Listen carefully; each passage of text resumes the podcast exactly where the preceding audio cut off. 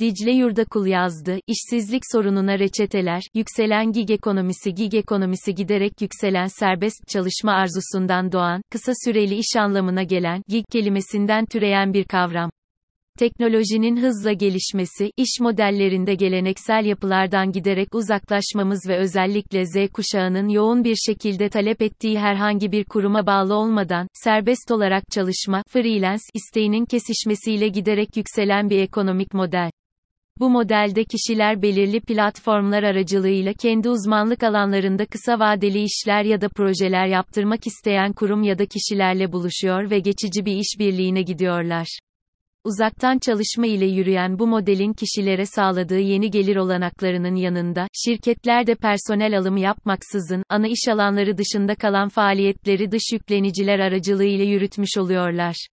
Giderek daha kompakt, esnek ve yatay organizasyon modellerine geçiş yapan şirketler için bu model hem maliyetleri azaltıcı hem de çağın gerektirdiği esnekliği sağlayan bir model olarak karşımıza çıkıyor. Yüksek talep görmesinin ardında yatan nedenler de hem işveren hem de işi yapan kişiler için ortaya çıkan bu kazan kazan durumu. TÜİK verilerine göre Mart 2022 işsizlik oranı %11,5 olarak gerçekleşti. Genç nüfusta ise bu oran %21,2'ye yükseliyor. Mevcut ekonomik konjonktürde bu oranlarda herhangi bir gerileme beklenemeyeceği gerçeğinden hareketle, ülkenin özellikle genç işsizlik sorununa acilen çözüm bulması gerekiyor. Gig ekonomisi bu anlamda genç işsizlikle mücadele eden ülkeler için ayrıca önemli hale geliyor. Öğrenciler, yazarlar, tasarımcılar, yazılımcılar ya da evde çocuk bakarken para kazanmak isteyen anneler bu platformlar aracılığıyla basit anket işlerinden, bir YouTube videosunu yazıya dökmeye varıncaya kadar farklı işler yapabiliyorlar. Freelance platformlarında yer alan üniversite öğrencileri, yazarlar, tasarımcılar, yazılımcılar ya da evde çocuklarına bakarken para kazanmak isteyen anneler bu platformlar aracılığıyla basit anket doldurma işlerinden, bir YouTube videosunun içeriğini yazıya dökmeye, logo tasarlamaktan, geniş çaplı bir organizasyonel dönüşüm projesine danışmanlık vermeye kadar farklı uzmanlık ve derinliklerde işlerde, dış kaynak kullanımı yoluyla hizmet almak isteyen kişi ve kurumlar adına bu işleri yapabiliyorlar. Bu modelin freelancerlar için en büyük avantajı serbest çalışmanın sağladığı uzaktan çalışma ve çalışma saatleri esnekliği gibi avantajların yanında, ne kadar çalışacaklarını da, elde etmek istedikleri gelir oranında kendilerinin belirleyebiliyor olması. Öte yandan, yaptığınız işlerin sağladığı memnuniyet oranına göre şirketlerle uzun vadeli ilişkiler kurmak da mümkün ve şirketlerin büyük bir kısmı bu şekilde çalışmayı tercih ettiklerini belirtiyorlar. Dolayısıyla sürdürülebilir bir gelir elde etme imkanınız da bulunuyor. BCG Henderson tarafından yapılan bir araştırmaya göre şirketlerin %40'ı önümüzdeki 5 yıl içinde dış kaynak kullanımını arttıracaklarını ifade ediyorlar. Gig ekonomisi her şeyden önce şirketler için daha düşük maliyetlerle çalışma avantajını sağlıyor sürekli olarak ihtiyaç duyulmayan hizmetler için tam zamanlı istihdam yapmadıkları gibi, çalışma alanı, kaynak sağlama, eğitim, sağlık hizmetleri ve benzeri maliyetlerden de tasarruf etmiş oluyorlar. Diğer yandan bu model iş taleplerini karşılamak için iş gücünü hızla artırma ya da azaltma avantajı sağlıyor ve organizasyonların daha çevik hale gelmesini sağlıyor. Gig ekonomisi şirketler için pek çok avantaj sunduğu için, özellikle pandemi sonrası dönemde bu çalışma modeline olan talebin artacağı tahmin ediliyor.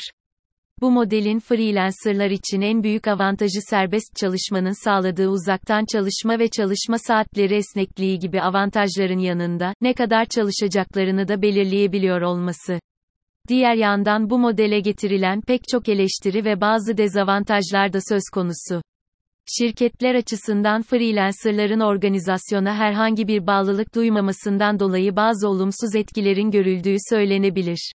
Freelancer olarak çalışan kişilerin, tam zamanlı olarak işe alınmış bir personel gibi şirkete bağlılık göstermeleri, terfi ve benzeri herhangi bir beklentileri olmaması nedeniyle şirkete emek ve zaman açısından ekstra bir yatırım yapmaları beklenemez. Ek olarak, gig ekonomisi şirketlerinin çalışan motivasyonu konusunda geleneksel şirketlerden farklılaştığı da görülüyor.